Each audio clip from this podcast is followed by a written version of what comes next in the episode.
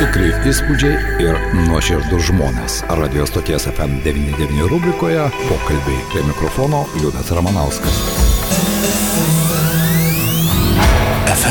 FM99. Na, o pokalbių rubrikoje, bičiuliai, šiandien mes pakalbėsime, mano nuomonė, labai įdomią temą ir tikiuosi, ta tema bus įdomi ir didiesiems, ir mažiesiems. Mūsų studijoje šiandien projekto Molinukų sėkmė kuratorė, Lietuvos tautodalininkų sąjungos Dukijos keliaus pirmininkė Modesta Tarasauskinė. Labadiena, Modesta. Labadiena. Prie mūsų pokalbio tikiuosi prisijungs ir Lietuvos miesto savivaldybės etinės kultūros koordinavimo tarybos pirmininkė, gerai žinoma dailininkė, na, Barbėte Vindarbė, Gintarė Markevičinė, Gintarė Labadiena. Labadiena. Malonu Jūs matyti. Abi Jūs esate būtent etinės kultūros koordinavimo tarybos narės. Viena pirmininkė, kita narė. Galbūt mūsų pokalbį galime pradėti nuo to, kuo ypatingas, pavyzdžiui, šis menuo ir ką čia bendro turi būtent etinės kultūros koordinavimo taryba. Modesta. Taip, šis mėnuo rugsėjais, aišku, žinomas kaip vaikų grįžimas į mokyklą. Mes etinės kultūros koordinavimo taryboje nauja kadencija prasidėjo prieš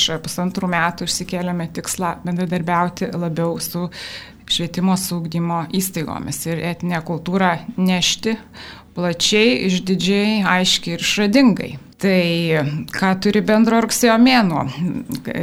Mūsų taryba sugalvojo sujungti mieste vykstančius renginius į tokį renginių ciklą etno mėnesiai. Ir šitas renginių ciklas, apie kurį plačiau tarybos pirmininkė Gintarė papasako šiek tiek vėliau, bet aš pradėsiu nuo to, kad jisai startavo su knygelės Malinukų sakmės pristatymu. Jisai vyko parodos formą. Knygelę pristatėme savivaldybėje praėjusią savaitę, kviečiame litiškius ją aplankyti visą rugsėjo mėnesį. Na, o ką bendro turi su švietimo įstaigomis ir mano paminėtų išradingų etnokultūros skleidimu juose? Tai ši knygelė yra parašyta dzukiška tarme vaikams, ją parašė garsi etnologė Onutė Drobelienė. Knygelėje, knygelė yra iliustruota Dzukijos krašto žymios keramikės Rūtos Indrašiūtės darbais, kurie yra e, ištapyti ir tiesiog juose galima pamatyti atskiras istorijas su ypatingais veikėjais, tokiais kaip Busilas arba Gandras, tokiais kaip Dukralė, Žemyna. E, ir tuos veikėjus Onutė Drobelienė, jinai na, meistriškai savo tą skambėję, gerai valdytą zukų šilų kalbą, jinai juos e, pagyvino ir sukūrė jiems istorijas, sakmes. Ir šita knygelė, jinai, joje yra 11 sakmių arba istorijų, jie, jinai iliustruota Rūtos Indrašiūtės kūriniais. Ir ją iliustravo šalia manęs sėdinti kolegė Gintarė Markeišinė. Ir be jos, be jos talento ta knygelė turbūt taip tų istorijų išaiškingai ir nepapasakotų. Na štai, Modesta Gintarė jūs pristatė, kad be jūsų tos istorijos būtų galbūt kitokios. Natūralu, kiekvienas ko gero įneša savo. Kiek jums molinukų sakmės iš tikrųjų buvo įdomios jums pačiai? Man tai nepaprastai įdomu, nes abu autorė, dvi autorės, tiek Rūta Indrašiūtė, tiek Onutė Drobelienė yra man kaip žmonės savo skirtingose srityse nepaprastai įdomios asmenybės, labai tai tuo žaviuosi. Aplamai tas ir nacionalinio parko, ta pati tokia ir ta gamtinė, ir ta dvasinė tokia terpė, nu, jinai labai tokia nu, patraukli daugeliu atveju. Tai, tai va tas mane ko gero ir labai įkvėpė, nes Drobelienė iš tikrųjų yra kalbos meistrė, žinių, žinių žmogus, sukaupusi patirtį, labai charizmatiška. Ir, ir vėlgi tas toksai, kaip sakau, va, tos jos sakmelės, kaip sakyčiau, nu atrodo, kad, nu, va, jinai tą užmėsgė tą siūlą su tom aukštybėm, nes tas toksai labai, sakyčiau, netgi autentiškas tas skambėjimas, tas, tas toks sakmių, nu, jų toks natūralumas ir tuo pačiu josgi naujai sukurtas. Tai mane tikrai labai žavėjo ta tokia lengva, lengvas kalbėjimas, tas lengvas mistiškumas toksai ir, ir tas, kad, nu, tai žmogus kūrė dabar. Tai.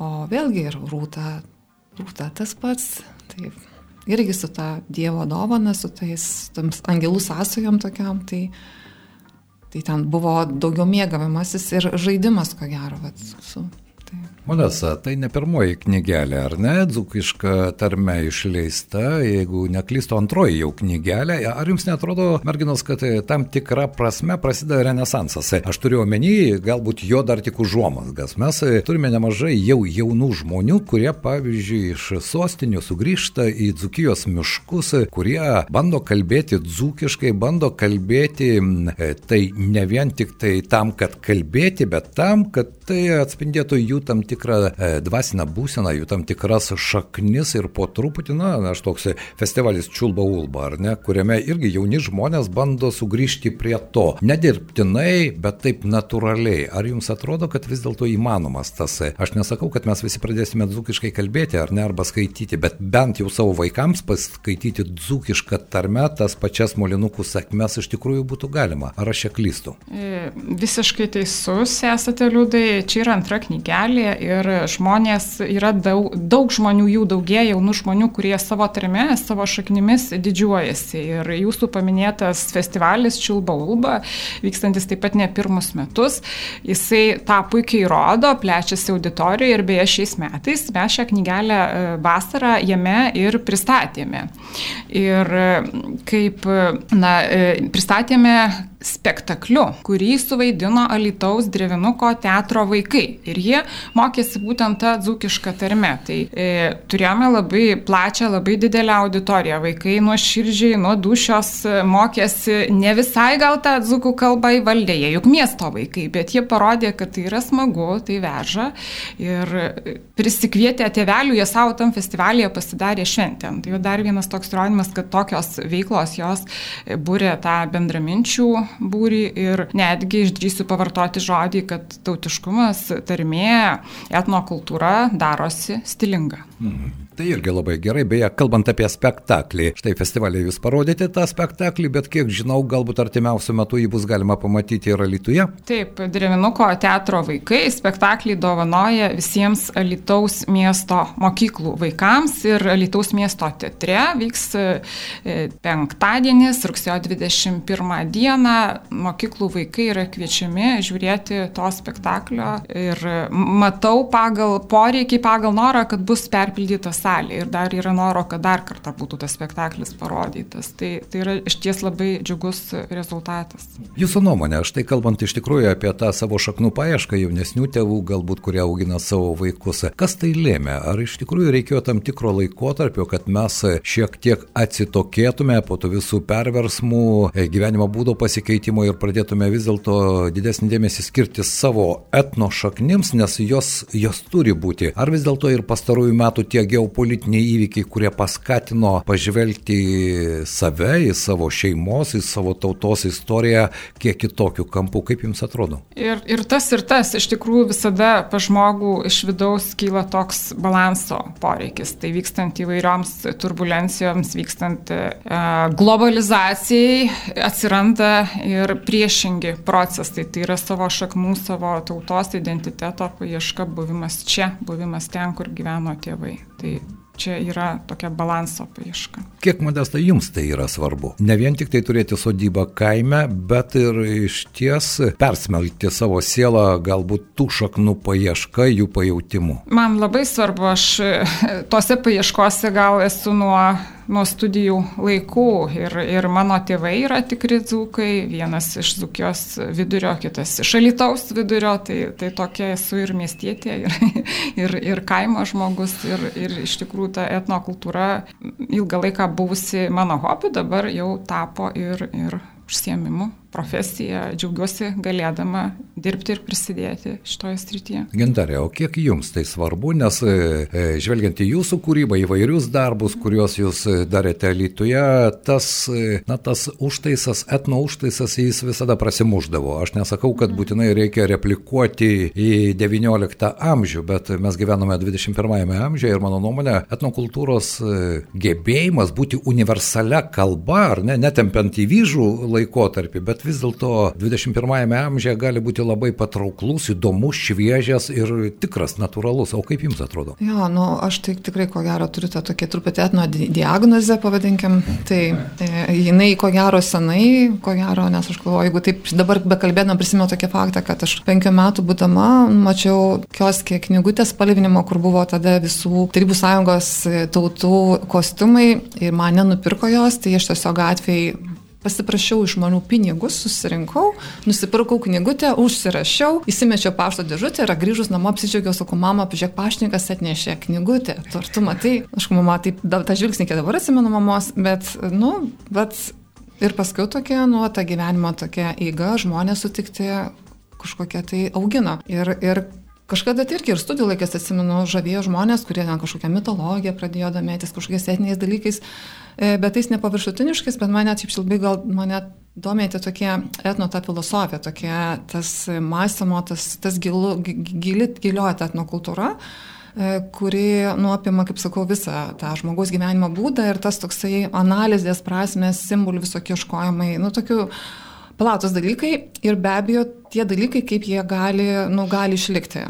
E, tai va, tai tokia, nuolat užduodu savo klausimas, labai stebiu šitą aplinką, pati savo, kur būnu, kur, kur gyvenu, ką kiti daro, kaip keičiasi, kas atrandama nauja, kokios galimybės, nu tiesiog, nu tikrai, tikrai sargu šitą lygą etno. Kuo daugiau žmonių galės basomis kojomis pajusti tą šaknis, netgi atsistoja ant žolės ir pajusti ne vien tik tai fiziologiškai, bet ir dvasiškai, tai yra labai svarbu. Grįžtant vis dėlto prie jūsų etno mėnesių, ar ne? Štai dabar pristatėte antrąją knygą, rugsėjo 21 dieną spektaklis Derevinuko.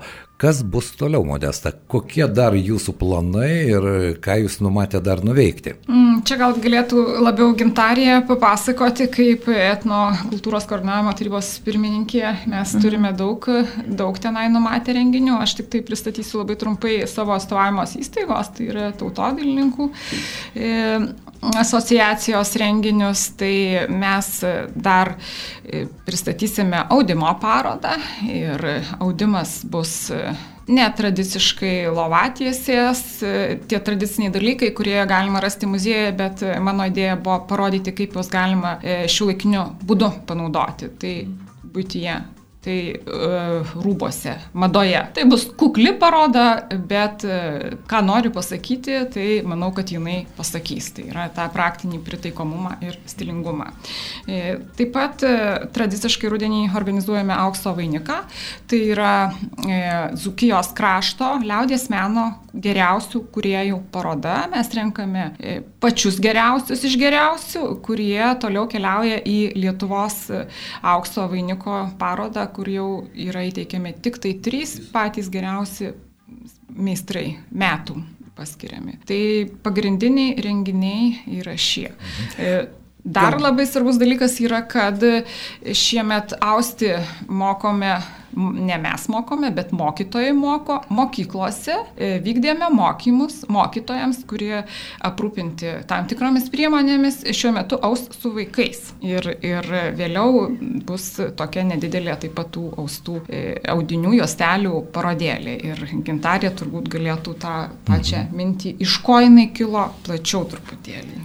Bet aš tik norėčiau prieš tai paklausti, baigiant apie molinukų sėkmes, koks tiražas yra knygelės ir ir ar jos, na aš suprantu, kad tėveliai gali jas įsigyti savo vaikams paskaitinėti, bet jos pateks į kažkokias viešasias bibliotekas, mokyklų bibliotekas ar ne? Knygelė išleista 1500 egzempliorių tiražu. E, tai yra kultūros tarybos remiamas projektas.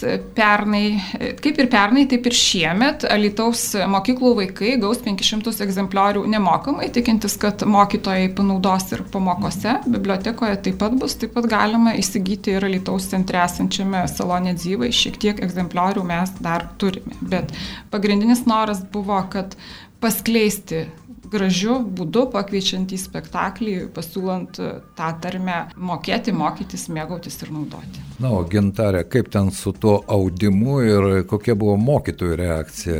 Mes, kurie ir taip užversti darbais, kurie neturime to kvėpio minutės, o čia dar grįžimas į audimo laikus. Jo, va, tas audimas, kaip jis atsirado? Tai pirmiausia, e, gal tokia truputį dar įžanga, nes e, kai tapau tą, taip, netyčia tą pirmininkę, tai toksai pradžiai buvo vis pirmiausia gal įdomu pažiūrėti, kokia ta situacija Lietuvoje. Iš tikrųjų dar tas toksai, ta analizė tokia ne, nepabaigta, bet pagal tai, kas matosi, nu žinom, tikrai tos etno trūksta. Ir per kaip ta etno galėtų gyvuoti, eiti, kokie patrauklus formatai, jaunimui patrauklus, va tai kartai, kuri keis, kurie toliau ims rankas mūsų ateitį. Tai galiu pasakyti tikrai, nu, pastumėjo arba tas ir modestos projektas šilukinė tautodalė akimis, va tas toksai bandymas ir eiti į mokyklas, žiūrėti, kas aktualu jaunimui, kokie poreikiai ir tikrai labai prasilenkia mūsų vyresnių požiūriai, poreikiai ir jaunimo situacijos. Tai yra visiškai du atskiri pasauliai, kurie, nu, visiškai toli vienas nuo kito ir Ir, ir vat, to etnokultūros galva tokia būtų ir mūsų dabartinė ta misija, tokia truputėlį e, pradėti stebėsiną, e, kažkaip kaip mes galėtumėm ką pasiūlyti, koks yra poreikis, kokia situacija yra. Ir tokiais, nu, mažais žingsneliais ieškoti būdų, ką daryti. Tai vat, nu, atsirado tokia pirmiausia, tai gal buvo pirma tokia etno diena, e, galbūt kuri galėtų ateiti būti aplamai kaip Alitus miesto etno diena visuotinė, kai, nu, kaip ten visi kaip kokia neužmirštuolė sekiamas ar kažkokį simbolį ta maža detalė, mažas elementas, per kurį mes e, nu save tapatiname ir pradedame kalbėti apie tuos etninius dalykus, tada, tada vis tik tai pradėjus toliau galvoti, kad, nu, etno, kad gal pradžiai patogiausia tą sklaidą daryti per švietimo sistemą, per savivaldybę, nes tikrai labai turim palaikymą kultūros skyriaus gerą, tiek Vaidos, tiek Vilmos. Tai ir, ir, ir pats su Valūnu puikiai išnekas ir tai tikrai tokia labai stipri tribūna, per kur galima tą skleisti ir galbūt užkabinti tas įstaigas, turint omeny, kad jos nu, vietoje yra, ar ta mokiniai, tas, ta pozicija tokia mokymo. E, bet vėl tada pradėjo žiūrėti, kad vėlgi ta, nu, nu, tokie dalykai neturi būti invazija, neturi būti per prievartą ir kaip tas sklandžiai eitų. Tai tokie, nu, vėlgi pokalbiai su įvairiais mokytis, dailės mokytis, technologijų paprastai. Toje mūsų etno taryboje, nu, vat, su pačiais nu, žmonėmis, kurie yra, tiek su mokiniais, tiek su vadovais, vat, kaip, ta, kaip integruotis, kaip tos dalykus e, daryti ir tikrai, nu, daug tokių niuansų ir tada matosi, kad čia ne, neužtenka nei etno dienos, nei etno savaitės. Tai yra e, kažkokio, jeigu vienai dienai turėti elementą, mokiniai kažkokią tai pasidaro savo patrauklų gražų, tai yra, nu, tai reiškia dviejų, trijų mėnesių, pusės metų įdirbis, vardant tos dienos, toj sistemoje, kad jinai, nu, vienu metu startuotų. Tai, tai va, tokių tikrai daug yra įdomių dalykų, daug tokių pamastymų, veiklos ir galimybių. Tai aš manau, čia tokia pirmoji meškerė į šitą didelį tokį, nu, tokį užakusi tokį ežerą gal užakusi, negaliu sakyti, daug kas bando, e, bet esmė tame, kad, nu, bent kiek pačiai stebiu, tai, nu, tikrai labai daug kas tą atnuoja tokie tiek pradiniai klasiai, tiek darželiai, tiek dvyliktokai, jie tą pačią morę, e, tas pačias kelias šventės, o šventė, nu, aplavėtino tai yra, nu, labai platu, labai gilu ir labai daug yra. Tai yra visas gyvenimo būdas ir atsiraitos rankovės ten turėtų, nu, tikrai. Be jokios abejonės, sutinku su jumis ir čia ko gero ne vieno pokalbio reikėtų pabandyti galbūt suprantamai paliesti tas temas, bet svarbu to nedaryti jo. formaliai, tai viena pusė mano nuomonė, o kita tai, kad tai nebūtų botago principas, ar ne? Ir Taip. iš esmės, kaip surasti tą kūrybišką formą, galbūt jums tai pavyks padaryti, nežinau. Norisi to palinkėti be jokios abejonės, kad tai įvyktų ir štai dar kartą primename, jog rugsėjo 21 dieną Lietuvos miesto teatre rodomas Dirvenuko spektaklis. Teveliai gali drąsiai ieškoti molinukų sėkmės, tautodailės stolo nedzyvai, ar ne? Ten Modestas sakė dar keletas yra modesta, bet tai pats požiūris, pavyzdžiui, ir į tą pačią tautodalininkų veiklą mūsų mieste, ar ne? Na, miesto centre atrodo viskas tvarkoje, bet praeina visi, na, žinote, ai gal ten jau viskas dulkiam nusėdė ir ką čia mes dabar grįšime į praeitį. Ar nėra taip? Ar yra jaunų kūrenčių žmonių? E, ir yra ir jaunų kūrenčių žmonių ir kuris laikas ateidami nustemba, kad ir dulkės nušluostytos, tai aš tikrai matau matau, matau tikrai nu, perspektyvą, gal žodis ne visai toks meniškas, bet e, yra ir susidomėjimas, yra noras, reikia darbo. Tai e, turime jaunų menininkų, mūsų asociacijoje yra virš šimtas narių, pildosi jie, atsiranda naujų, atsiranda vyresnių, kurie sužinoja, kad čia vyksta įdomus dalykai, prisijungia, tai, tai tikrai nėra pamirštas dalykas. O ypač kai žmonėms suvedi, kad tautodailė jinai e, nėra paskutinių 200 metų, tai yra tūkstantmečiais vystėsi tradicijos, kurios susikoncentravę į ženklą, į išraišką kažkokią, tai anksčiau vartoja, vart, buvę vartoti būtyje kaip įvairūs rakanai komandai jau dabar yra kaip saviraiškos priemonė įvairūs tie liaudės meno objektai, tai man atrodo labai labai gilu, prasminga ir reikalinga. Na kągi, tikiuosi, kad tai, tai prasminga, gilu ir reikalinga ne tik modestai ir gintariai, bet ir daugelį iš mūsų tik ne visi mes galbūt dar sugebame tai suprasti. Tad e, norint suprasti, reikia pažinti, norint pažinti, reikia apie tai kalbėti, be jokios abejonės, reikia kažką veikti. Ir aš noriu padėkoti Jums ir palinkėti sėkmės ir tikėtis, kad iš tikrųjų visi mes turime savo šaknis. Tas šaknis surasti, vienokias ar kitokias, nes e, ko gero tai vienintelis dalykas, kuris mus daro įdomiais, išskirtiniais, kūrybingais. Ačiū Jums šiandien, kad buvote mūsų studijos viešne. Ačiū Jums, Modesta. Ačiū. Na štai, tokie mūsų pokalbiai. Nebejoju, kad kiekvienas iš mūsų, ko gero, požiūrį į etno turi jau susiformavęs. Dažniausiai tai atsinešame iš savo šeimos, nuo lopšio, kaip sakoma, su motinos pienu. Deja, kartais mes pamirštame, kad visa tai yra čia, šalia. Tai reikia ištiesti ranką, o kartais galbūt įkvėpti giliau ir pradėti apie tai galvoti. Tikrai įspūdžiai ir nuoširdus žmonės. Radio stoties FM99 rubrikoje pokalbiai prie mikrofono Liudas Ramanauskas. FM99.